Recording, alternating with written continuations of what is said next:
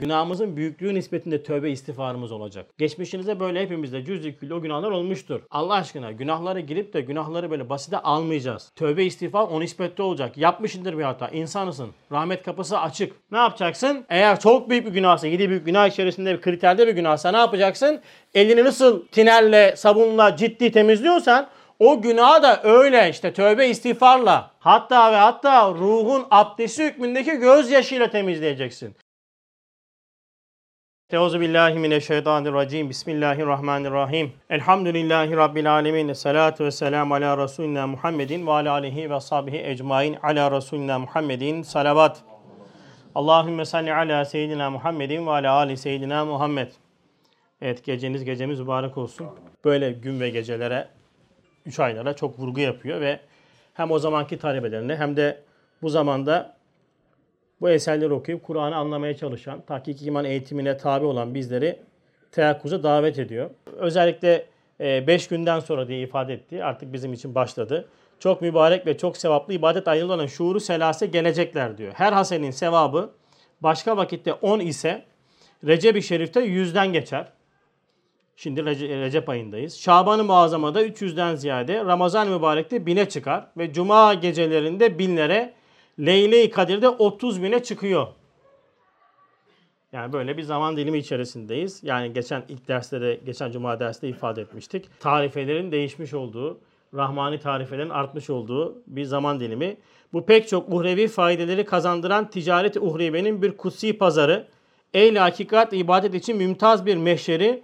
3 ayda 80 sene bir ömrü ehli imana temin eden şuuru selase bu aylardayız. E, dolayısıyla Recep ve Şaban ayı insanın manevi ömründe, ömründe çok önemli bir yere sahip ki Ramazan'a hazırlık hükmündedir. Zaten manevi açıdan dolu dolu geçen bir Recep ayı inşallah yine manevi açıdan özellikle kalbin ve ruhun e, harekete geçtiği diyor Üstad. Şaban ayında, Şaban ayının da dolu dolu geçmesine vesile olacak. Dolu dolu geçen bir Şaban ayı manevi açıdan çok çok önemli olan belki de bütün bu hazırlıkların e, noktayı mihrakiyesi hükmünde, noktayı merkeziyesi hükmünde Ramazan ayının inşallah dolu dolu geçmesine vesile olacak. Dolu dolu geçen bir Ramazan ayı da insanın bir senelik manevi hayatının da dolu dolu geçmesine vesile olacak. Bunlar aslında birbirine bağlıdır. O yüzden Recep ayı bir hazırlık ayıdır. Şaban'a, Şaban'dan Ramazan'a doğru böyle teyakkuzda olacağımız bir aydır. Dolayısıyla bu noktada özellikle böyle gecelerde, bu aylarda, böyle gecelerde Üstad başka mektupta Kur'an'la, istiğfarla, salavatla meşgul olmanın büyük bir kar olduğunu söylüyor ve hasaten de dairem içerisinde bu hakaiki iman ile meşguliyet mütefekkir yani Kur'an okumak hükmünde olduğundan dolayı kitap okumalarımızın da elhamdülillah bize çok büyük fayda getireceğini de unutmamak lazım. Ee, Cenab-ı Hak inşallah Recep ve Şaban hakkımızda mübarek kılsın, bizi Ramazan ayına ulaştırsın. Şimdi bu gecelerde yapılacak en büyük ibadetlerden, en önemli amellerden bir tanesi tövbe ve istiğfar bu dersimizde tövbe ve istiğfarı konuşacağız ama şöyle bir sıkıntımız var. Bizim genelde dine ait olan bakışımız ilmihal ve fıkıh üzerine gittiğinden dolayı tövbe ve istiğfar kelamını da daha çok biz günahlar üzerinde inşa ediyoruz. Ki doğru mudur? Doğrudur. Fakat tövbe ve istiğfar aynı manayı ifade etse de aslında derinlik olarak aynı değildir. Fakat bizim kelime dağarcığımız çok dar olduğundan dolayı mesela bugün TDK'nın söylediği bu. Yani 3-4 sene önceki bir araştırmadan bahsediyorum. Ee, bir üniversite mezununun kullanmış olduğu kelime sayısı gün içerisinde 250 civarı. Üniversite mezunundan bahsediyorum. Yani benim gibi yüksek lise mezunlarının tabii daha da az oluyor seviye olaraktan. Çünkü neden? Kelime olmayınca tabii mana daralması yaşamaya başlıyor. Hatta iletişimimizdeki bütün anlaşmazlıkların temelinde kendimizi ifade edememe, veyahut da karşı tarafı anlayamama vardır değil mi? Ben kendimi ifade edemiyorum. Niye? Çünkü kelime yok. Kelam olmayınca ne kadar dolu olsanız da dışarı bir şey aktaramazsınız. Böyle bir tane filmde geçer var hatırlarsınız böyle komik bir adam vardı ya herif. Ee, böyle yapıyor. Bir şey sıkmıyor ne? Çünkü kelam yok. E şimdi 200 ke- kelime. Bunun mübalağasız belki 50'si 60'ı argo. Küfür, argo, Tamam mı? Hop hacı bizim dairemizde artık bile bunlar meşhur oldu yani. Hacı, müdür. Tamam mı? Bunlar artık uhuvvet göstergesi sayılmaya başlandı. Mesela böyle bir kelime kullanıyorsun sen.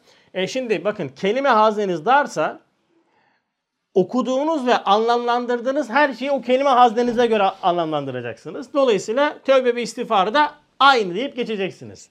Sonra okuduğunuz hakikatleri de aynı deyip geçeceksiniz. Ya aynı, aynı, aynı, aynı hop ortada koca bir ondan sonra ayniyet altında maalesef basitlik ortaya çıkacak. Tövbe ve istiğfar aynı değildir. Ama üzerine çalışması yapım, çalışma yapmak lazım. Şimdi ben Risale oradan anladığım birkaç mana üzerine bir e, şemalandırdım meseleyi. Ha, bu şahsi bir kanaattir. İtiraza açıktır. Daha farklı düşünenler de olabilir aranızda.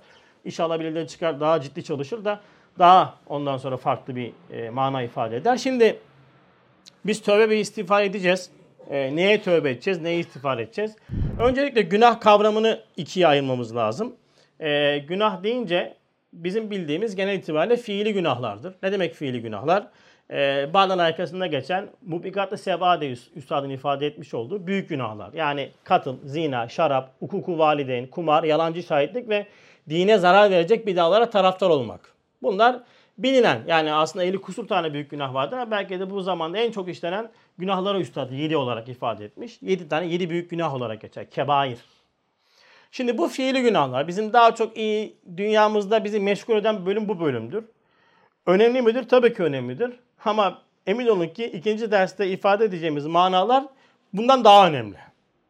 Ama emin olun ki yine söylüyorum %80'lik bir e, kitle tarafından hakikate vukufiyeti az olan daha çok taklit üzerine giden %80'lik e, kısım tarafından ikinci kısımda ifade edeceğimiz mana pek canlı değildir. Çok da anlatılmaz. E, camilerde falan da bulamazsınız böyle bir anlatımı. E, çünkü o derinlikte dini ele almak zordur. E, bir de müşterisi de olmaz. O da ayrı mesele. E, böyle işte tövbeler, işte günahlarımız var. Günah deyince aklına gelir işte zina yapmışsın, içki içmişsin, Allah muhafaza kumar oynamışsın, yalancı şahitlik yapmışsın vesaire vesaire. Bunlara karşı tövbe ederiz biz. Tövbe daha çok fiili günahlara bakan bir yönü vardır. Dönüş anlamındadır. Bunun derinlemesi de vardır. İnabe vardır, evve vardır mesela. Tamam Bunlar daha da derinleme indiğimizde e, farklı farklı ifadeler var. Kur'an'da geçen ifadeler bunlar. Bir de benim itikadi günah dediğim ki ikinci derste ifade edeceğimiz mevzu ene ve enaniyet noktası. Yani eşin sır noktası burası zaten. Zaten günah-ı kebir bu. Şirki azim bu. Ne dersiniz deyin. Yani emin olun ki ilk günahları işleseniz de rahmet imdadınıza yetişir. Bir şekilde ekstra bonuslarla o şeyi kapatırsınız ciddi bir çalışma neticesinde. Ama ikinci taraf ki itikadi benim günahta ifade ettiğimde başka bir kavram da koyabiliriz aslında oraya da bulamadım. Ee, ene, e, enaniyet yani insana verilen ene ve o enenin kullanım noktası enaniyetin insan tarafından yanlış kullanılmasıyla beraber insanın farkında olmadan vehmi bir ilahlık iddia etmesi. Vehmi ilahlık iddia etmesi. Yani ikinci bir haşa Allah'lık iddia etmesi. Bu da istiğfarı gerektirir. Hem tövbe ve istiğfarı gerektirir. Bir de bir nokta daha var ki bu da kusurdur. Bu kısım bize bakmaz. Yani burayı ben bunu yazmamın sebebi şu. Efendimiz Aleyhisselam ben günde 100 defa, 70 defa tövbe istiğfar ediyorum şeklinde hadisi vardır. Şimdi Peygamber Efendimiz sallallahu aleyhi ve sellem bütün peygamberler ismet sıfatına mahfuzdur, günahsızdırlar. Şimdi günahsız bir insanın istiğfar etmesini nasıl anlayacağız biz? Bu zatların istiğfarı senin benim gibi günah üzerine değildir. Her an manevi terakkide olan, her an marifetullah'a terakkide olan bir zat bir önceki haliyle bir sonraki arası, hali arasındaki farktan dolayı istiğfar eder. Çünkü Sonuçta tanımaya uğraşmış olduğu, tanımış olduğu zat Efendimiz değil mi? Kim? Cenab-ı Hakk'ı tanıyor. Cenab-ı Hakk'ın kemalatı nihayetsiz ama bir üst mertebe çıktığında bir alt mertebe kusurludur. Yani eksik tanıdığını görüyor. Subhaneke ma hakka marifetik. Yani ben seni hakkıyla tanıyamadım diyor. İşte o istiğfar oraya bakar. Haşa Peygamber Efendimizin kusuruyla alakalı değildir. Ve onun yolundan giden işte ashab-ı kiramın bir kısmı, işte e, ashab-ı kiramın hepsi diyelim, e, asfiyaların hepsi, evliyaların bir kısmındaki istiğfar daha çok bu ziyete bakar. Yani direkt günah olarak algılanmaz o. Onların istiğfarı bulundukları makam noktasındandır. Hasaten peygamberlerin ki hiçbir şekilde günahla alakası değildir. Yani günahsız olan bir zat niye ondan sonra tövbe istiğfar etsin? Bir önce diyor ki mesela atıyorum misal vereceğim. Cenab-ı Hakk'ın hakim esmasını bir mertebede tanıdı. Bir kademe daha çıktı. Bu sefer daha büyük bir derinlikle tanıdı. Şimdi burada tanınca ha biz geçmişte az tanıdık, yanlış tanımışız deyip Allah'ım beni affet diyerekten o halin istiğfarını yapıyor. Yani çok mutsuz nokta. E bizim kısım şu taraf yani işte günahlar, katil, zina, şarap bunlara biz istiğfar ederiz. Tövbe istiğfarı biz o zaviyede alacağız. E çünkü biraz da işimiz de bu. Ahir zamandayız. E, çok ciddi şekilde günahların çokça, rahatça işlendiği, çok büyük günahlara farkında olmadan rahatça girdiğimiz, e, adeta bazen bazen iltihaken iltika, iltiyazamen taraftar olduğumuz günahlar var. E, dolayısıyla bizi işte mertebemiz ve durumumuz biraz daha bu tarafı gerektiriyor. Bu noktada ciddi bir şekilde e, tövbe ve istiğfar gerekiyor ve bu zamanlar, bu zaman dilimleri 3 aylar ve hasreten böyle mübarek geceler, ekstra rahmetin e, taştığı zaman dilimleri işte günahlarımızın affına vesile olma noktasında büyük bir önem teşkil ediyor. Şimdi şurası önemli. İnsanın günahlara karşı duymuş olduğu mahcubiyet ve üzüntü imanın göstergesidir. Bir insan çok günaha girip de bunu hiçbir şekilde affedersiniz böyle argo bir tabir ama sallamıyorsa, bunu böyle ciddiye almıyorsa o kişide iman zafiyeti vardır. Çok ciddi iman zafiyeti vardır. İtikadi bir problem vardır. Neden? Bu neden söylüyorum? Emirdağ alakasında geçiyor bu. Üstad Emirdağ alakasında bir iman tanımı yapıyor ve iman tanımını yaparken Kur'an-ı Azimşan'ın ders verdiği gibi bir imandan bahsediyor. Peki nasıl o iman? O Halık'ı sıfatları ile, isimleri ile umum kainatın şehadetine istinaden kalben tasdik etmek. Burası önemli. Yani biz bir iman edeceğiz ama bu iman Kur'an'ın ders verdiği şekilde iman olacak. Babamızdan aldığımız gibi değil, anamızdan aldığımız gibi değil. Örfi olarak üzerimize yapışan gibi değil. Bakın bu iman taklidi bir imandır. Bu imanın bu zamanda kişiyi finişe götürmesi çok zordur. Çok zordur söylüyorum bak. İmkansız da yakın zordur ha. Bunu da bilin. Yani daha da ileri götürürüm ama bütün bütün ümit size atmak istemiyorum rahmet mevsiminde size ama iş zor yani. 40 vefiyattan 39'unun kaybetmiş olduğu bir iman davasından bahsediyoruz. Yani bu kadar önemli bir zaman diliminde bu kadar eserlerin yazılması, üstadın bu kadar iman üzerine taşlat yapmasının sebebi bu zamanda bizim iman dediğimiz imanın Kur'an-ı Azimşan'ın ders verdiği imanla pek uzaktan yakından alakası yok. Yani emin olun ki birçoğumuzun dedesi babası bir Budist olaydı. Veyahut da bir Hristiyan memlekette doğup babamız anamız Hristiyan olaydı. Bizden çok iyi bir Budist ve Hristiyan olma ihtimali yüksekti. Mesela babanız papazsa, dedeniz papazsa siz de muhtemelen e, o zaveden devam edecektiniz. Çünkü e, üzerine bir çalışma yaptınız mı? Yok direkt üzerinizde bulduğunuz bir şeyle hareket ediyor insan. Yani onu aşmak zordur. Mesela bir insan ecnebi memlekette doğdu, onun Müslüman olması zordur. Ama olduğu kazancı da çok yüksektir. O da ayrı mesele. Ha bize gelelim biz hemen meselelerin ortasından başladığımızdan dolayı hemen kendimizi böyle hani ya işte Japonlar ne olacak? İşte Almanya doğan ne olacak? Kore'deki ne olacak? Dönüyor Çin'deki ne olacak? Şimdi ülke bitmiyor ki. Bir dünya ülke var. Say say bitmez yani. Kendisi kurtardı paçayı. Cennette arsa parselledi. E, o neydi gözlüklerin ismi? Öyle satıyorlarmış ya sanal ortamlarda. E, he? Yok yok. Metaverse diye bir alet vardı bir, bir şeydi. Çabuk söndü. Ondan sonra orada arsa marsa. Biz de hemen baba cennetlik, ana cennetlik. Tabii biz de illaki e, hanedanı cennetliyeden devam edeceğimiz için dert düşüyor tabii. Şimdi Japonya'daki ne olacak yani? Şimdi bu sebebi şu. Biz bir iman dairesine girdiğimizde hiçbir cüz irademizi iman kişinin bakın iman kişinin cüz-i iradenin, iradesinin sarfından sonra Cenab-ı Hakk'ın kuluna ilka etmiş olduğu bir nurdur diyor. Üstad bunu almış Sa e, Sadı Taftazani'ye göre herhalde. Öyle de galiba. E, onun e, bir tabirini kullanıyor ki tasdik ettiğini alametidir. Cüz-i itiharın sarfından sonra hangimiz cüz-i itiharını sarf ettik iman için? Ya dur baba sen Müslümansın ama ben bir araştırayım bakayım şu Budizm ne diyor, Hristiyanlık ne diyor, bir e, şey ne diyor bir bakalım. Belki sen yanlış gidiyorsun baba. Ya benim dedem de belki yanlış gitti. Anneannem de yanlış gitti. Deyip böyle bir çaba sarf ettik mi? Yok. Direkt girdik. Tamam hadi hoş beş. Tamam elhamdülillah karşılığını bulmuşuz. Peki derinleşme azminde olduk mu? Yok. Şüphelerimiz yok mu? Öhö bastır babam bastır. Bir şey olmaz. Yani nasıl olsa gidiyor bir gemi. Ve hatta Mustafa'nın dediği gibi inan geç inan geç diyor yani. Fazla zorlamaya gerek yok diyor. Çünkü zorladın mı error vereceksin. Temeli yok çünkü sallanıyor bina. İşte bu sıkıntı. Kur'an-ı Azimşan'ın ders verdiği gibi Cenab-ı Hakk'ı nasıl tanıyacağız? O Halık'ı sıfatlarıyla, isimleriyle umum kainatın şehadetine istinaden kalben tasdik etmek ve elçileriyle gönderdiği emirleri tanımak. Ve burası önemli. Günah ve emre muhalefet ettiği vakit sırıtmak, gülmek, anlatmak, rahat davranmak değil. Kalben tövbe ve nedamet etmek iledir. Kalben tövbe nedamet etmek iledir.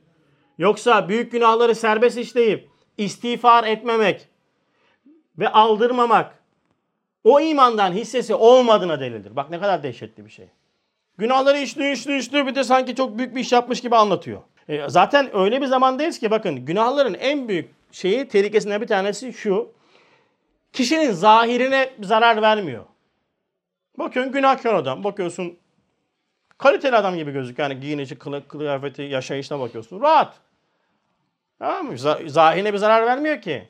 Günahların kişinin zahirine değil, batınına yani zahirde görünen bedenine değil melekut boyutuna kalp ve ruh gibi maneviyat noktalarına bakan zarar veren yönleri var.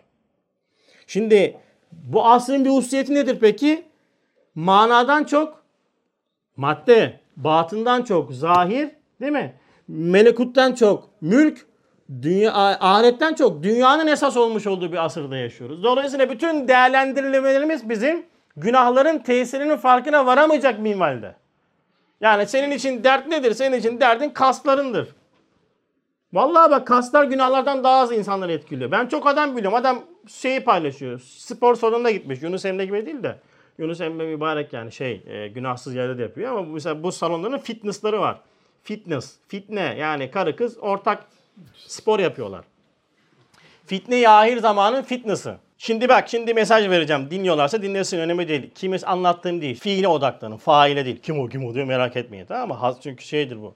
E, klasiktir. Anlatırsın adam kimi merak eder. Babam sen fiile konuşsana ne işin var faile. Umre'ye gider. İhramla fotoğraf çekilir. Bir dünya dua eder. Geldik gittik elhamdülillah. Ya iki gün sonra fitness'a gider. Fitness'ta orada beraber ahiret hemşireyle beraber spor yapıyor. Ne şimdi bu? Spor çok önemli. Bak neden spor önemli? Beden. Abim sen Allah aşkına o ortamları az çok hepiniz biliyorsunuz. Yani illaki birkaç yerde görmüşsünüzdür, duymuşsunuzdur değil mi? Ya insan orada bedenine e, sen söyle geliştirirken ruhunu, kalbini ne yapar? Darmadağın eder. Önemli mi? Hiç önemli değil ki. Umre'ye gittim ben ya. Kabe'yi dolaştım yani. Allah kabul etsin. İç zemzemi de. Bu işte. Önem, önem arz etmiyor bizim için. Çünkü bakıyorsun zarar vermiyor ki dışarısında. E diğer taraftan bizim mesela bir sıkıntımız da şu günah ölçümüzün kriterleri şeriat değil. Örfümüz, adetimiz, toplumsal e, kabullenişler. Üniversitelerde şey vardı, okullarda ben okumadım da okuyanlardan biliyorum. Çan eğrisi vardı eskiden. Hala var mı bilmiyorum. Yani sınıfta bir adam en yüksek notu aldığında adam o seviye yukarı çıkartıyor. Artık ona göre değerlendirme yapılıyor. Şimdi bizim çan eğrisi günahlarda uçmuş. Mesela bakın haber spikerlerinin mesela karşı cins haber spikerleri bizim için günah değil. Onlar bizim ablalarımız ya. Her akşam beraber oturuyoruz. Beraber izliyoruz yani. Döp bezi giymiş. Kılık kıyafete bakıyorsun. Her tarafın yarısı açık. Hiç. Bir saat boyunca açıyoruz evde. Bizde de var o. Ondan sonra açıyorsun. Günah ne günah? Vallahi günah değil. Bizim için değil. Çünkü bizim kriterimiz şeriat değil. Ne var ki bunda? Ki ben ilk bizim abimiz bizi ziyarete evime ziyarete geldiğinde hiç unutmuyorum ya öyle bir reaksiyon göstermişti. Televizyon açık böyle birden estağfurullah dedi falan. Ana derim ne oldu lan dedim herhalde bir erkek kadınla bir münasebet bir şey oldu yani bu kadar reaksiyon gösterilmez yani. Bir baktım bizim her akşam evimizde misafir ettiğimiz Döpyez'de ablamız ya. Dedim abi ne var bunda ya? Ya ne abartıyorsun bu kadar diyorum. Adama kızıyorum. Kendim olmuşum ondan sonra sen söyle nedenler hani böyle yalan olmuş bir gibi artık bir şey tutmuyor. Adama diyorum ki ne var diyorum bunda ya. Ne var bu, bu, bu, bu kadar abartacak ne var yani. Sen derim eğer bu günahsa biz derim yanmışız abi. Uğraşmaya değmez. Var mı rahatsız olan? Evlerimizde ondan sonra çoğu zaman düştüğümüz durum şampuan reklamlarında hep beraber ailece e, eşimizle çocuğumuzla şampuan reklamlarında banyo yapan erkeği izlerken hiç rahatsız oluyor musunuz? Kadınlar genelde biraz kıskançlık damarları daha baskın olduğundan dolayı böyle çünkü erkek şey sanki sırf harama nazar erkeğe mahsus bir şeymiş gibi ha, bakma haram falan. E sana haram da bana haram da sana helal mi? Senin için, benim için kadın manken neyse senin için erkek manken de o. Öyle değil mi? Sen nasıl, niye ben bu e, hissiyatını damarıyor? İşte karşı tarafın işte manken kadının işte zahiri o boyalı süslü halindeki güzelliğinden benim ona kalbimin kayacağını, gözünün kayacağını şey yapıyorsun. E tamam aynı şey. Onu gördükten sonra sen bana bakar mısın? Tamam mı? Everest tepesi bir göbek. Ondan sonra bakıyorsun saç maç dağılmış gitmiş. Aa bu adamsa bu ne lan? Bak şimdi günah kriterimizde yok bunlar bizim. Ve iştiyakla sanki ibadet şuuruyla biz bunu ne yapıyoruz? İzliyoruz. Standart. Şimdi toplumsal değerler olunca günahlar bizi pek fazla maalesef rahatsız etmiyor. etmiyor. Şimdi Üstad bununla ilgili hepimizin bildiği, bildiği bir yerden üzerine bir vurgu yapacak. İkinci lemadan okuyacağız. İkinci lema biliyorsunuz ne? Eyüp Aleyhisselam'ın kıssasının anlatılmış olduğu bir yer. En azından bakın bugün size kıssa okuyacağız yani. Yani en azından bir menkıbe ve kısa tarzı bir ders olacak. Hadi gözünüz aydın. Bismillahirrahmanirrahim. İz nâdâ rabbehu enni messeniyed duru ve ente erhamur rahimin. Eyyub'u hatırla ki. Niye hatırlayalım biz Eyyub'u ya? Yaşadığından bile bilmiyoruz yani. Hatırla diyor bize. Hatırlayalım. Neden hatırlayacağız? Şöyle Rabbine şöyle niyaz etmiş Eyüp Aleyhisselam. Bana gerçekten zarar dokundu. Sen ise merhametlerin en merhametlisin diyor. Ve bu kıssayı tefsir edecek bize. Ve aslında acayip bir metotla ve formülle tefsir edecek ki bu zamanda çok ihtiyacımız olan bir metot bu. Üstad diyor ki sabır kahramanı Hazreti Eyüp Aleyhisselam'ın şu münacatı hem mücerrep hem tesirli. Yani şey yapılmış, tecrübe edilmiş ve tesiri de gözükmüş. Biz ne yaparız? Mesela bir ilaç içeceğimiz zaman şunu iç. Ben içtim iyi geldi deriz değil mi? Ne yaparız? Şiddetle tavsiye ederiz. Şimdi Kur'an-ı Kerim de bize bu duayı anlatırken diyor ki bu dua, bu münacat hem tesirli hem tecrübe edilmiş bir duadır diyor. Ama nasıl okuyacaksın? Eyüp Vari okuman lazım. Problem burada başlıyor zaten. Eyüp Vari, Eyüp gibi değil. Biz Eyüp gibi okumayı severiz. Yunus gibi okumayı severiz. İbrahim gibi okuruz ama İbrahim vari okuyamadığımızdan dolayı okuduklarımızın bize yalnızca getirisi harf başı 10 sevap. Şimdi 100 sevap oldu. Hadi gene gözümüz aydın. İşte Şaban'da 300 sevap. Kadir Gecesi'nde 30 bin verecekler. Merak etmeyin. O acayip bir sevap kazancınız olacak. Merak etmeyin. İki keşfette yersiniz. Sıkıntı yok. İki harama nazar, üç keşfet, iki tane YouTube videosunda tamam 30 binlerden elinize kalan yalnızca tamam mı müflislik kalır. Başka bir şey kalmaz. Ama Eyüp Vari okursanız, okursak, Yunus Vari okursak, İbrahim Vari okursak o o zaman işte o tevhid, o zikir neyse o dua kalp ve ruha kazınmaya başlar. Ama Eyüp Vari okumak için ne yapmak lazım? Damdan düşen gibi olmak lazım. Nasrettin Hoca sormuşlar. Damdan düştün canın acıyor mu demiş. Bana damdan düşeni söyle çağırın. O mapta değil mi? Yani yaşayan, yaşadın mı anlarsın meseleyi. Tecrübe etmiş.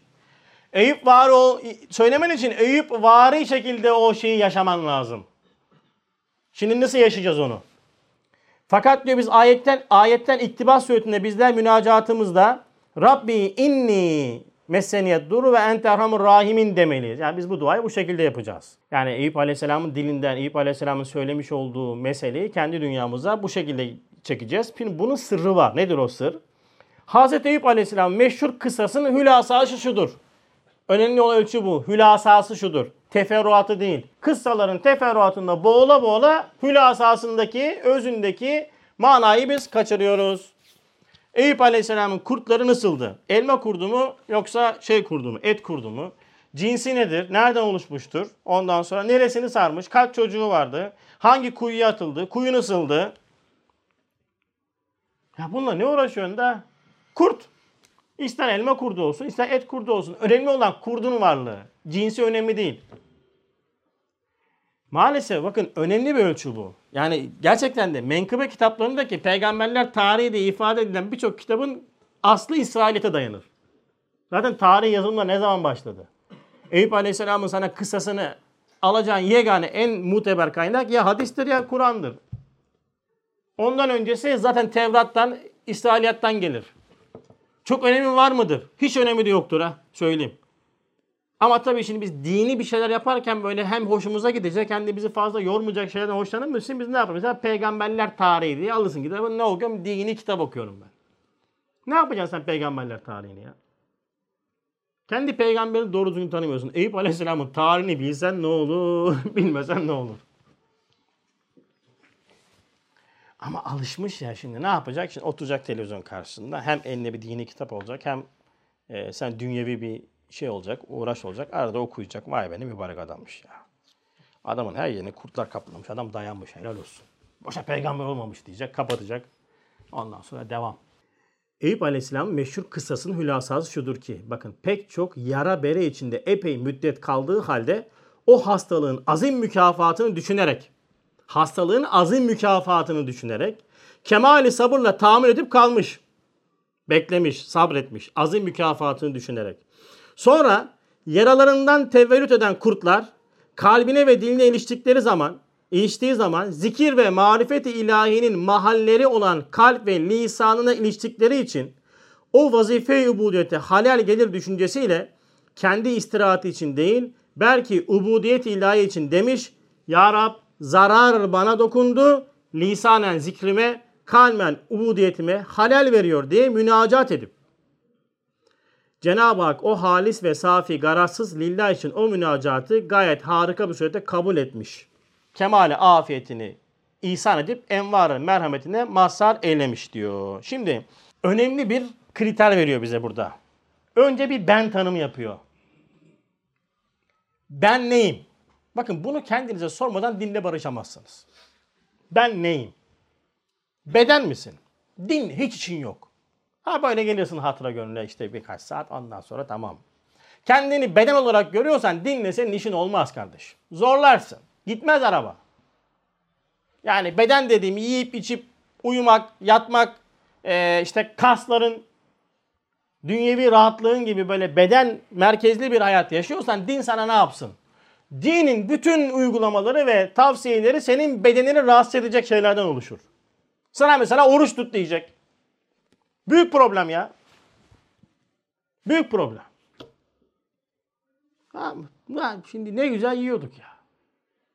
Hadi tutalım şimdi millet ne der falan filan diye. Mahalle baskısıyla oruca gireceksin. O orucu da zorlu tutacaksın ha böyle sinirleneceksin. Oruçluyken gelmeyin üstüme yani. Çok sinirli oluyorum yaklaşmayın bana. Şimdi bir şey de diyemiyorsun. Şimdi bu oruç nereden çıktı falan desen çarpılacağım diye mantığıyla yaklaştığından dolayı içten içe bir adalet ilahiye var. Ama giriyor mahalle baskısıyla. Şimdi lan tutmazsak ne diyecek adam? Ha, hayvan yiyor işte falan diyecekler. Şimdi artık o da kalmadı. Eskiden de bu da. Yani eskiden gerçekten de insanlara hassasiyet vardı. Ben mesela hiç unutmuyorum. Lisede e, benim arkadaşlarım içinde Aleviler varmış. Ben bilmiyordum Alevi olduklarını. Adamlar oruç tutmuyorlardı ama vallahi adamlar bizim yanımızda bir kere yediklerini görmedim ben.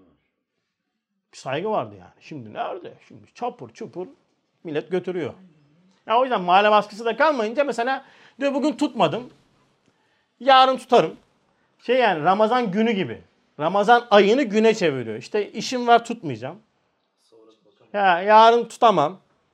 Öbür gün belki cumartesi pazar iyi oluyor. Evde uyuyor zaten. O, uy, tutuyorum dedi ne biliyor musun? Sabah şeye 7'ye kadar oturuyor savurda. Bir kapatıyor. Akşam saat 6 kalkıyor. Adam bir saat falan kalmıyor ki iftara. Hem oturuyor sofraya. Elhamdülillah tuttuk ya çok şükür. ya çünkü ne oruç sana ne versin? Şunu namaz işte bedeni bedeni hareketlerden oluşan bir şey. Yani mesela sabah namazda kalkacaksın. Abdest alacaksın, uykun kaçacak. Sonra bakıyorsun namaz kılmakta ne fayda var? İşte vücudun işte şöyle sürdüğün zaman işte enerji falan hepsi palavra bunların. Hiçbir şey yok. Yani. Sürsen ne olur? Benim valide namaz kılıyor diz kapakları mahvoldu kadın yani. Bir de şey yaptık sen söyle ameliyat dedik hepten sakat yaptık kadını. Hala kılmaya devam, devam ediyor. Yani yani bedeni olaraktan namazın sana bir getirisi olmaz. Ya çünkü sen beden değilsin. Önce bunu kabul edeceksin. Din diyor ki bak senin bu yönün hayvaniyet yönün ve bunun esası yok. Sana ben bir şeyler söyleyeceksem din, din sana bir şeyler söyleyecekse senin esas olan sana bakan tarafına söylüyor. Yani aynanın karşısında gördüğün değil. Aynanın karşısında görmediğin. Ama seni sen yapan, varlığını hissettiğin, mesela ruhun var senin. Daralıyorsun, bunalıyorsun, ihtiyaçların var, sıkılıyorsun, Bir anlam arayışım var. Bak din buradan başlıyor işte. Hoş geldin. Ama sen şimdi bunu bastırmışsın, bastırmışsın, bastırmışsın. Hiç aklına gelmemiş. Yani dinle ne işin var senin ya? Bizim merkezimiz bu olduğundan dolayı biz bakın biz hastalıklarda genelde hemen şifa için başvuru yaparız. Hemen ilaç çabuk bir şey ha ilaç. Ya bekle daha bir şöyle bir dursun ya şöyle bir birkaç bir acziyetini anla, bir zafiyetini anla. Bir mahluk olduğunu anla. Halik'le bir irtibata geç. Bir zikir çek, aç zikrini çek. Bak şimdi benim benim benim benim tutuldu elhamdülillah. Ondan sonra şimdi güzel gidiyor. Baktım arttıracak namaza engel olmaya başlarsa, rüküye engel olmaya başlarsa ne yapmam lazım? O zaman şifa talebinde ki Eyüp Aleyhisselam şifa da talep etmiyor. O da ayrı bir şey. Dikkat edin bak. Zarar bana dokundu. Lisanen zikrime kalben ubudiyetime halel veriyor. Ya Rab şifa ver artık. Yani namaz kılamıyoruz da demiyor. Sen Erhamur Rahim'sin diyor. Sen bilirsin. Yani sen istersen beni namaz kıldın mı? Kıldırma. Bunu bırak sen bilirsin. Sen Rahmansın. Sen Rahim'sin. Senin senin vereceğin hüküm rahmet içerir diyor yani. Biz ne yapıyoruz? Hemen şifa talep ediyoruz.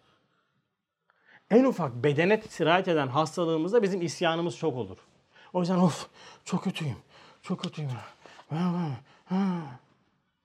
Niye? Çünkü ben kendimi böyle anlamlandırınca buna gelen zarar bana gelmiş gibi görüyorum. Aa bu ben değilim. Bakın Eyüp Aleyhisselam'ın münacatında ne var? O münacat zahiri bütün vücudunu kurtlar kapladığında yapılmamış. Çok yaralar kapladığında yapılmamış. Onun niye yapıyor? Sebebi yaralardan oluşan kurtlar zikri ilahinin merkezi olan diline ve marifet ilahinin merkezi olan kalbe temas etmeye başlayınca Ya Rab diyor zarar bana dokundu. Zarar bana dokundu. Ben seni zikredemez, seni tefekkür edemez hale geldim. Harzual budur. Sen Erhamur Rahim'sin. Ne üst bir seviye. Bizde bedene temas etsin bizim ilk bırakacağımız şey namaz olur. Hasta olanlara ben bunu çok görürüm. Hasta oluyor abi namaz kılmıyor, kılamıyor. Niye kılmıyorsun? Hastayım. Onun hasta ne alakası var? Ya hastalıkla namazı birleştirdiğinde iki kat kademe atlatacak sana Cenab-ı Hak. Kılamadım ya diyor. Hastayım ben diyor. Ya hasta ol. Yani şey misin, felç misin? Gözünü kımıldatacak kadar gücün varsa ima ile bile namazı terk edemezsin sen. Namazı terk etmek için iki tane hüküm vardır. Ya deli ya ölü olacaksın. Başka ihtimali yok. Yok diyorum ha bak yok. Yok öyle yok öyle yok böylesi. Yoğun bakımda bilmem ne orada hiç önemlidir abicim. Evireceksin, çevireceksin o namazı kılacaksın. Farzı kılacaksın ama kılacaksın. Ya çok önemlidir ya. Bizde en ufak şeyde namaz hasta olmuş boğazdan yatıyordu. Çünkü birisine ziyarete gitmiştim. Abi kılamıyorum ben diyor. İşte boğazlarım çok ağrıyor. Lan boğazın ağrıyor. Allah'ın adam ayağım mı ağrıyor? Vücudum mu ağrıyor? Alakası yok ki. Bizde problem beden, bedene temas etti mi, buraya temas etti mi abiler biz hemen böyle Allah'a karşı bir şey besliyoruz yani. Adalet besliyoruz gibi oluyor. Çıkıyor ortaya. Halbuki namaz kılsa belki Evliya Azime'nin ondan sonra kazanacağı mertebeyi kazanacak. Öyle bir kapı açılıyor yani. Çünkü hem aciz ve zaafını, fakrını, noksanını anlıyor. Hem hasta zaten. Hem riyasız bir ibadet. İki katlı elhamdülillah muhteşem bir terakki kapısı. Şimdi o yüzden önce ben dediğimiz şeye dikkat edeceğiz. Bir de zarar dediğimiz şeye dikkat edeceğiz. Bakın zarar. Bizi bizi üzen zararlar genelde madde merkezi zararlardır. Düşük kazanç zarardır. Değil mi? Çok zarar ettim yani. İşte arabana zarar geldi mi bunu zarar olarak görürüz. Bedenine zarar geldi mi bunu zarar olarak görürüz. Bunların hepsi gelip geçici. Fani. Peki esas olan nedir? Esas olan insanın kalp ve ruhuna bakan, hakikatine bakan yere gelen zarardır. İnsanın en büyük zararı ahiretine temas eden noktalara gelen zarardır. Diğerlerinin hiçbir önemi yok ya. Üstad 20. 25. lemada diyor ya e, ahiret merkezli düşünde onu okumuştuk hani neye göre kime göre dersimizde. Bir kısım gençler geldiler hasta gençler benden dua istediler baktım onların o e, sen söyle tahammül dahilindeki hastalıklarına baktım onlara şefkat edip acamadım ki dedim sizin diyor Ahireti düşünüyorsunuz, namazınızı kılıyorsunuz, siz hasta değilsiniz diyor. Cenab-ı Hak size şifa verecek diyor. Vazifeyi bitirene kadar hastalığa tahammül edin. Sizin emsalin bir kısım emsaliniz diyor sıhhat belasıyla değil mi? Ahireti unutarak işte Allah'ı unutarak yaşıyorlar. Onlar zahirde şifa e, bakıyorsun hasta değiller ama onlar hastalar. Zarar onda. Biz böyle değil. Bizim bütün zarar, menfaat algoritmamız dünya merkezi çalışıyor. Biz hastalık deyince hep zahiri hastalıkları anlıyoruz. Hiç yakınına namaz kılmayan bir yakını olan yanına gittiniz mi? Abi Allah şifa versin hastasın sen. Ne diyorsun sen değilsen. Ne abi acip hastasın hem de. Ne hastalığın var? Abi sen namaz kılmıyorsun da.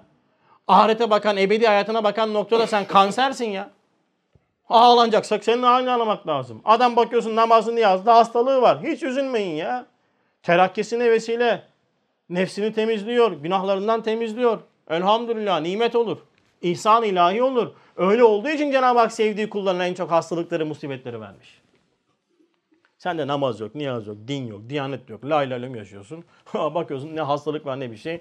Adam ne nasılsınız diyor. İyiyim abi diyor. Bir de ne diyor? Bomba gibiyim. Baba baba bomba. Sonra da he he ahiret gidiyor. He he he bir de dal geçiyoruz kendi halimize. Acayip de üzülecek de halimiz yani. Allah şuur nasip etsin hepimize. Şimdi bakın Eyüp Aleyhisselam'ın kıssasını anlattı ve bu kıssayı anlatırken bize kıssayı bana getirdi. Beni koydu. Ben kendimi buldum kıssada. Ve bu kıssayı artık benden şeyden çıkardı. Esatürül evvelin olmaktan çıkardı. Yani Kur'an-ı Kerim'in tabiri bu. Geçmişte yaşanmış bir hadise, bir olay olarak olmaktan çıkardı. Güncel bir mesele haline getirdi. Beni buldum. Bak Eyüp Aleyhisselam'da ben varmışım. Vay be Eyüp Aleyhisselam beni anlatıyormuş ya. Ha demek ki bu Ayıp Aleyhisselam geçmişte yaşamış evet doğru bir peygamberdi. Cenab-ı Hak şefaatine nail eylesin ama Kur'an-ı Kerim bana geçmişte yaşanmış bir hadisi anlatırken hikaye anlatmıyor. Hikmet kitabı bu. Kur'an-ı Hakim diyoruz biz. Ha demek ki bende olan bir meseleden bahsediyor, bir kanuniyetten bahsediyor ve şimdi üstad bunu anlatıyor bize. Diyor ki Hazreti Eyüp Aleyhisselam'ın zahiri hastalıklara mukabil bizim batini ve ruhi ve kalbi hastalıklarımız var. Ama gözükmüyor. Zahiri hastalıkları mı mukabil Eyüp Aleyhisselam'ın zahiri hastalıklarına kurtlar vardı, yaralar vardı. Bizim batini hastalıklarımız var. İç dışa, dış içe bir çevirirsek Hazreti Eyüp'ten daha ziyade yaralı ve hastalıklı görüneceğiz. Bir çevirirsek var aynaya bakamayız ha. Yatın kalkın dua edin. Peygamber Efendimiz sallallahu aleyhi ve sellem'in Miraç'ta duası olmuş bu geçmiş ümmetlerin çok günahkarlarını görüyor. İşte hınzır suretine dönmüş, maymun suretine dönmüş. Cenab-ı Hak onların suretlerini çevirmiş. Cebrail Aleyhisselam da o seyahati e, yaparken bakıyor, görüyor bunlar nedir diyor. İşte bunlar diyor geçmiş ümmetlerin e, günahkarları helak oldular. İşte Cenab-ı Hak bunları hınzır suretine çevirdi vesaire. Ya Rab diyor. Benim diyor ümmetimin diyor günahkarlığını böyle yapma. Suretini değiştirme diyor. Cenab-ı Hak da vaad diyor ki suretini değiştirmeyeceğim ama siretini değiştireceğim diyor. Siret görünmeyen yüzdür. Suret görünür, siret görünmez. Ama herkes görür. Bakın siz de görüyorsunuz sireti. Bazen bir adam görürsünüz. Ne dersiniz böyle? Lan bu adam var ya şeytan gibi adam. Bak ne diyorsun? Elektrik alamıyorum bu adamdan. Bak siretini görüyorsun değil mi? Yani bir sana bir, bir şey var. Adamın bir double'ı var. Bak adamın bir double'ı var. Yani zahirde bakıyorsun insan güzel ama diyorsun bir şey var abi bu adam. Beni itiyor. İşte o siret. Ehlullah mülkün arkasındaki melekutla irtibat kuran zatlar o sireti görüyor. Üstad buna ne diyor? Eğer diyor istersen git Paris'e onların localarına gör. Orada diyor insan suretinde hınzırlar işte ifritleri göreceksin diyor. Git diyor Seyda'nın meclisine işte o zamanki belki bir e, dergahın ondan sonra meclisine git diyor. Orada diyor insan kılığında melaikeleri ruhanileri göreceksin diyor. Biz ne yapıyoruz? Biz zahire bakıyoruz. Bakıyorsun filint adam. O adam diyorsun. Adama bak ya. İç dışa dış içe bir çevrilsek. Aynanın karşısında böyle o bak ne güzel yaratmış falan dediğimiz simaya bakamayız belki de. Bunu hissedersiniz abiler. Bu çok zor değil. Bunu kelamet olarak algılamayın. İnsanın maneviyatın maddiyatına tesir eder. Nereden söylüyorum bunu Miraç abi? Atıyor muyum? Atmıyorum. Atmıyorsun değil mi? Sen atmazsın aslında. İstersen atmıyorum diye de göreyim. Nereden söylüyorum biliyor musun? Bir ayet. Hangi ayet? Ahmet Hocam? Fetih suresinden söylüyorum değil mi? Ne diyor ayet? Bismillahirrahmanirrahim. Simahum fi vucuhihim min eferi sucud. Onların diyor simalarında secde izi vardır. Ne demek secde izi? Bu da yazıyor secde diyor. Yazmaz ki oradan. Secde izini anlıyorsun sen. Kim anlıyor? Ehli anlıyor. Zaten Cenab-ı Hak da anlattırmasın bize. Emin olun ki birbirimize selam veremez hale geliriz. Belki bu an şu anda konuşan adamı dinlemezsiniz yani. İç dışa bir çevirirsek. Yani dışta bakıyorum beyaz gömlekli tak geri bir adam. Şimdi bir gözükecek mesela Mahmut Hoca belki görüyordur bize söylemiyordur ama belki o Allah muhafaza. İnsanın maneviyatı tesir eder ya. Ter kokusuna tesir eder. Örnek vereyim mi? Bizim evde Amin Hanım var. 10 gün belki 15 gün yıkamıyoruz bazen. Hastalanmasın diye. Şehir çocuğu. Teke gibi kokuyor. Terden. Kok. Lan diyoruna bak ya. Lan nasıl kokuyor öpüyoruz. Lan nasıl kokuyor öpüyoruz. Hadi bakayım 15 gün yıkanmayın. Yanına yaklaşılmaz. Babam git bir yıkan ya. Leş gibi kokuyorsun ya. Ne oldu? Aynı ter kokusu. Aynı ter kokusu, ter kokusu. O da ter, o da ter. Onun günahı yok çünkü ahlakı bozulmamış. Senin benim ahlakım bozulmuş. İnsanın maneviyatındaki vaziyeti ter kokusuna, simasına, odasına, arabasına, haline, her şeyine sirayet eder. Her şeyine sirayet eder. Net bir bak söylüyorum bunu. Kendinize tatbik edin görürsünüz. Başkanına değil. Kendini tatbik edin görürsünüz bunu. Her şeyinizde farklılaşma olur. Maneviyatın böyle bir etkisi vardır. Aynı şekilde maneviyatın düşüklüğü de işte maalesef insanın ne yapıyor? Önce içini bozmaya başlıyor. Bu eğer gitgide artarsa artık dışarıda doğru da temas etmeye başlar. Allah muhafaza. Şimdi ne dedi? İç dışa dışta bir çevirirsek Hazreti Eyüp'ten daha ziyade yaralı ve hastalıklı görüneceğiz. Çünkü bakın işlediğimiz her bir günah, kafamıza giren her bir şüphe kalp ve ruhumuzda yaralı açar. İşlediğimiz her bir günah, kafamıza giren her bir şüphe kalp ve ruhumuzda yaralar açar. Açıyor mu? Açıyor. Şüphe diyorsun ben şüphe etmiyorum diyoruz değil mi çoğu zaman? Belki de şu anda şu cemaat için şüphe etmeyen grup, güruh olarak biliniriz biz. Vallahi öyle değil. Mesela cehennemin varlığını bildiğimiz halde bir insan namazda namazsızlık üzerine ısrar ediyorsa bu adamın cehennemden şüphesi vardır. En ufak bir bakın bir mutlakiyet, bir güç vermiş olduğu şeyin merceğinin ikazına insan dikkat eder. Vergi borcun var ödersin. Devlet askeri çağırır gidersin. Çünkü makam ne kadar büyükse ve sen o makamın büyüklüğünü ne kadar idrak etmişsen onun cezasından ve mükafatını da biliyorsan o nispette ne yaparsın? İtaat olur. Hadi bakayım kaç askerden kaçamazsın. Vergi borcundan kaçamazsın. Değil mi? Yakalarlar. Ve onu bildiğin için askerlik yaparsın. Şimdi 6 ay oldu. Biz 18 ay yaptık. Bak ne oldu? Yaptın. Niye yaptım? Gitme. Ya biliyor ilmel yakin, hakkal, aynel yakin, hakkal yakin. Gitmeyenleri de görüyor, cezalanları görüyor vesaire. E şimdi Cenab-ı Hakk'ın binler vaat ve ahdleri var. Emiri var ve bunun içerisinde namaz gibi belki Kur'an içerisinde yüze yakın ayette emri ilahi var. Niye kılmıyorsun? İşim çok falan falan. Hiç alakası yok. Bunun altında koca bir iceberg. Gözüken şey nedir? Sen evet kılmıyorsun. Neden kılmıyorsun? Vaktin yok, o yok, bu yok falan. Tamam. Görünmeyen kısmında ne var biliyor musun? Kapı gibi şüphe var. Şüphe. Yani cennet, cehennem. Yani itibari birer kavram senin için ya. Duymuşum babandan. Yani cennet deyince aklına geliyor huri. Zaten din diyanet yoksa huri falan aramaz insan yani. Aramaz abiler. Din diyanet yoksa aramaz. Huri kavramı dünyası adam zaten kendi dünyasında işte e, karşı cinsle erkek olsun kadın olsun huri misal, gılman misal insanlarla beraber oluyor adam zaten. Ne yapacağım huriyi ben diyor. Haşa. Öyle düşük seviyede yani mecazi bir alim aret var. E cehennem de aynı şekilde. Bunun altında ne var? Şüphe var. Olur olmaz? Net değil bunlar. İşte günahlar böyle. insanı şüpheye atmaya başlıyor ve devamında bak ne diyor? Hazreti Eyüp Aleyhisselam'ın yaraları kısacık hayatı dünyevisini tehdit ediyordu. Bizim, bak bizim günahlarımız, manevi yaralarımız pek uzun olan hayat ebedimizi tehdit ediyor. O münacat Eyüp'e o Hazretten bin defa daha ziyade muhtacız. Ya Eyüp Aleyhisselam kaç sene yaşardı en fazla? O zaman insanlar biraz daha uzun yaşıyorlar. 100 sene de babam 150 sene olsun. Sonra bitti. Fani dünyasında çok sıkıntı çekerek gitti. Ama baki dünya, ebedi alem ahiret kurtardı.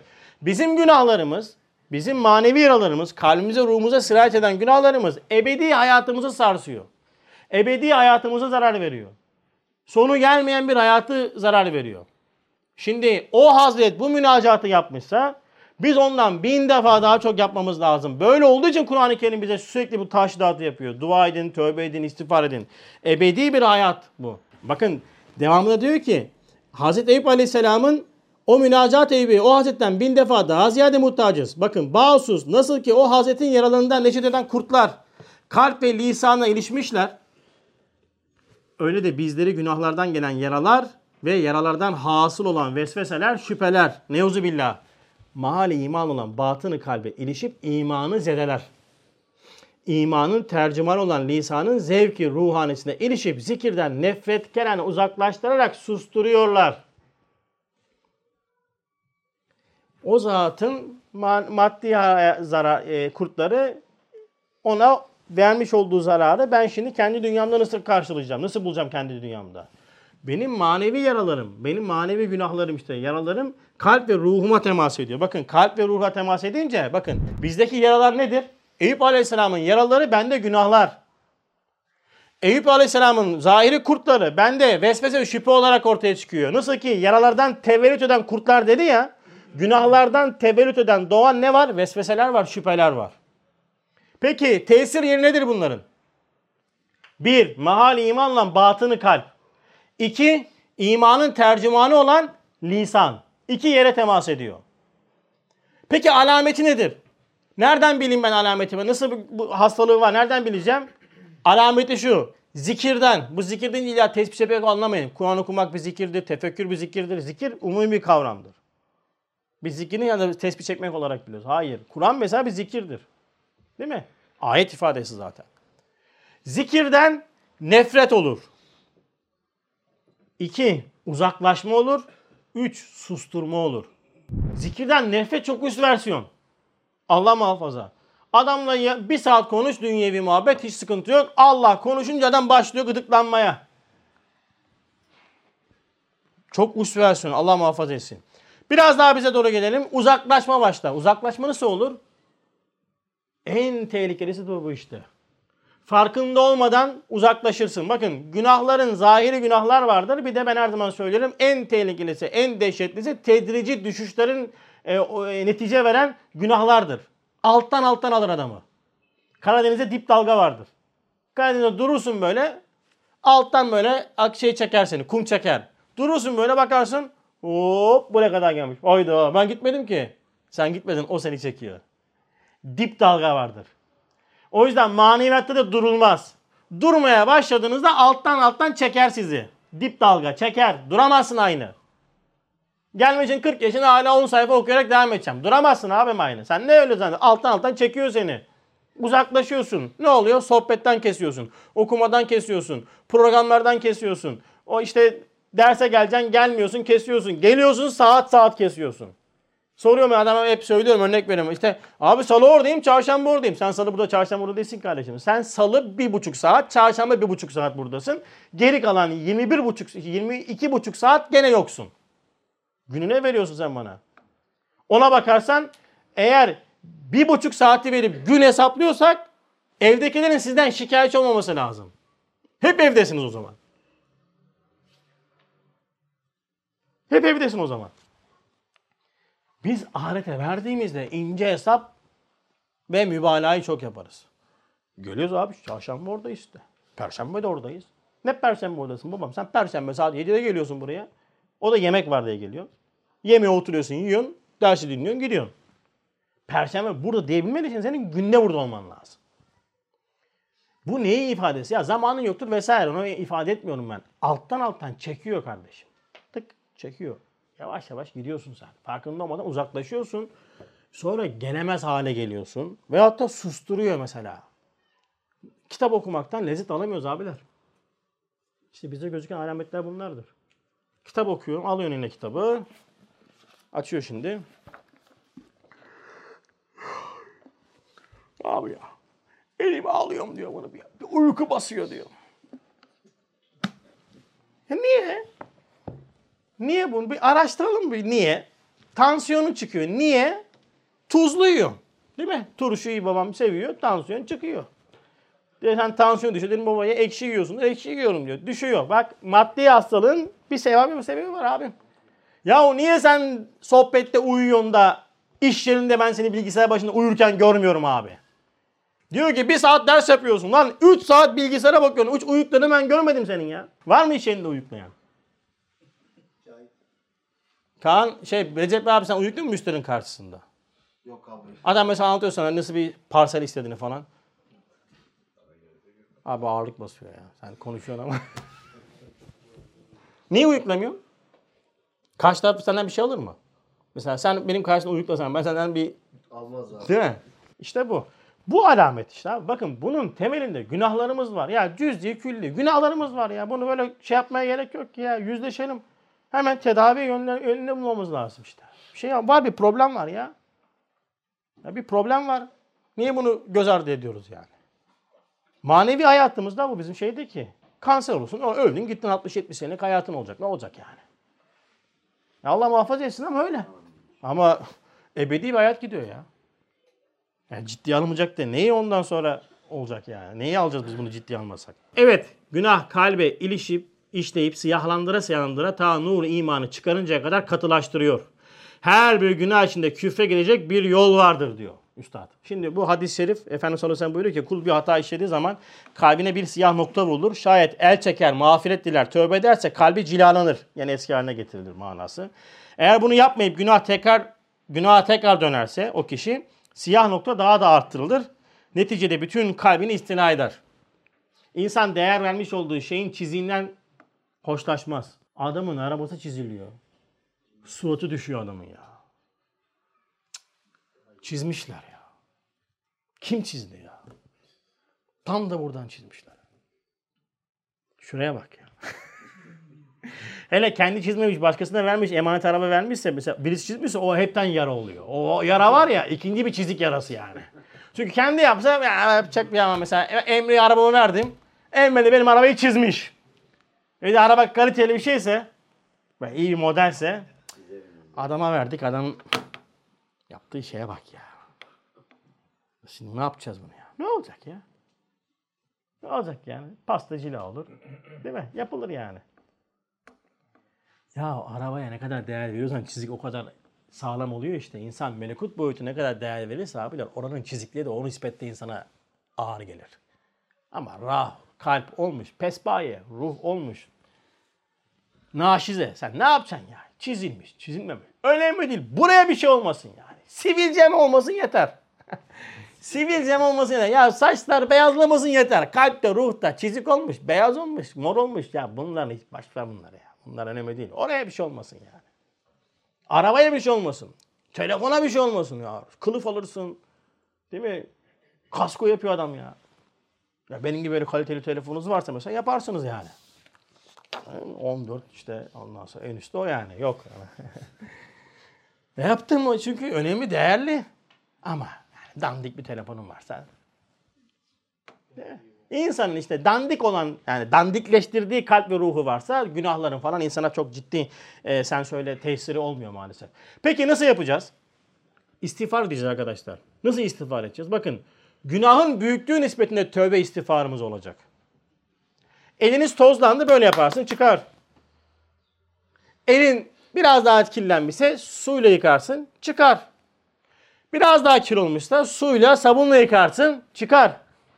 Elin boya olmuşsa sabunlarsın, tinerlersin, öyle çıkartırsın. Bak uğraştı, kir ne kadar artarsa o nispette ne yapıyor? Bak uğraş artıyor. Şimdi şöyle bir ilaç getirdim.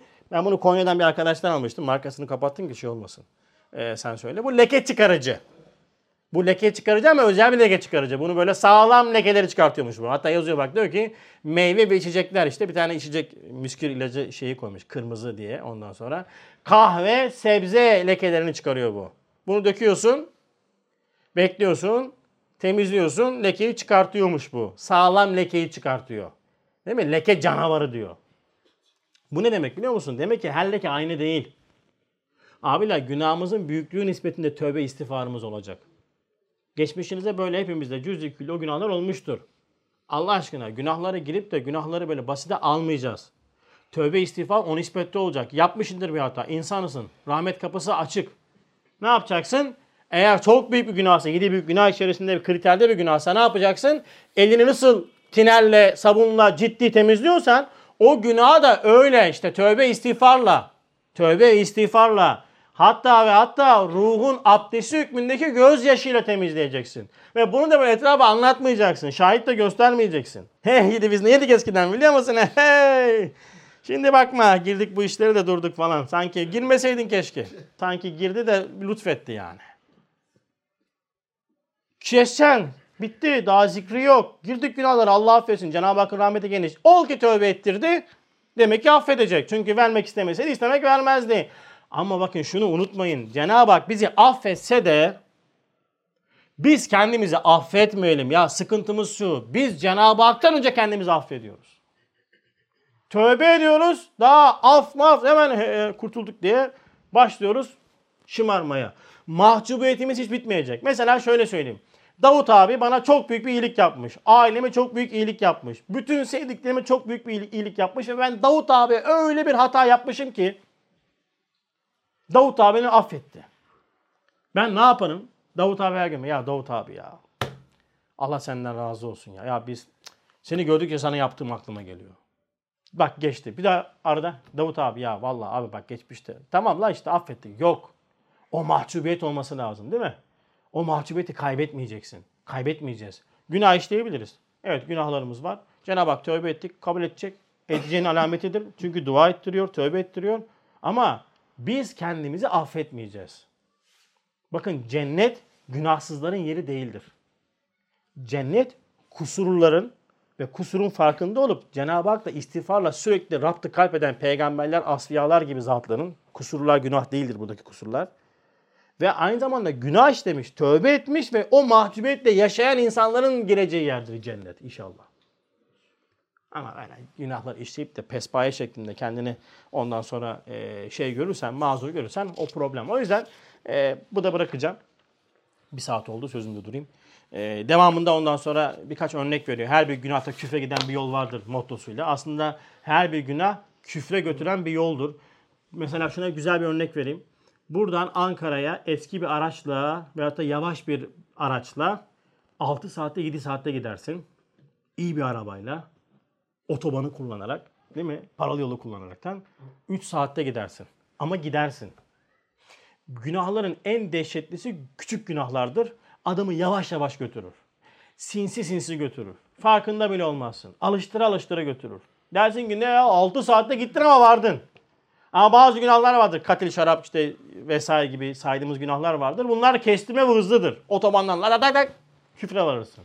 Ama dikkat edeceğiz. Abiler en büyük problemimiz günahlara alışkanlık göstermektir. Günahları küçük görmektir. Bu süreç bizi Allah muhafaza kalplerin kararmasına doğru götürüyor. Yani öyle hale gelir ki artık kalp Cenab-ı Hak oraya mührü vurur. Hatemallahu ala kulubihim. Artık mührü vurdum daha da o kalbe sirayet etmez. Ama şunu da kendinize şeye hastalık yapmayın. Bir tane takipçi vardı. Kendine şartlandırmış benim kalbim karardı, mühürlendi, mühürlendi diye. Ondan sonra yazıyor. Benim kalbim mühürlendi hocam ben ne yapayım? Ya diyor mühürlense bunu soramazsın sen. Mühürlenmemiş. Yok diyor mühürlenmiş diyor. Anlatıyorum anlatıyorum. iki gün sonra hocam diyor yok yok diyor. Benim diyor kalbim mühürlenmiş. Allah dedim beyanı vermesin ya. ya bu kadar mı olmaz? Bir insan zorla kalbini mühürletir mi? Eder. Ya kardeşim kalbiniz mühürlense burada olmazsınız. Bunları dinleyemezsiniz. Burada sohbet edemezsiniz. Namaz kılamazsınız. Kalp mühürlenmesi çok çok çok sonraki bir iştir. Ama vardır. Ve böyle rahmet zamanlarında işte ne yapacağız? İstiğfarı dilimizden eksik etmeyeceğiz. Mesela Seyyidül İstiğfar duası vardır. O istiğfarı çok zikretmekte fayda var. Yolda yürürken estağfurullah çekmekte fayda var ve bir zahmet de bu günahlardan uzak durma noktasında bir gayret sarf edersek böyle rahmet zamanlarında inşallah affa müstahak olacağımız muhakkak. Cenab-ı Hak inşallah affettiği kullar zümresine dahil eylesin bizleri. Velhamdülillahi Rabbil Alemin. El Fatiha.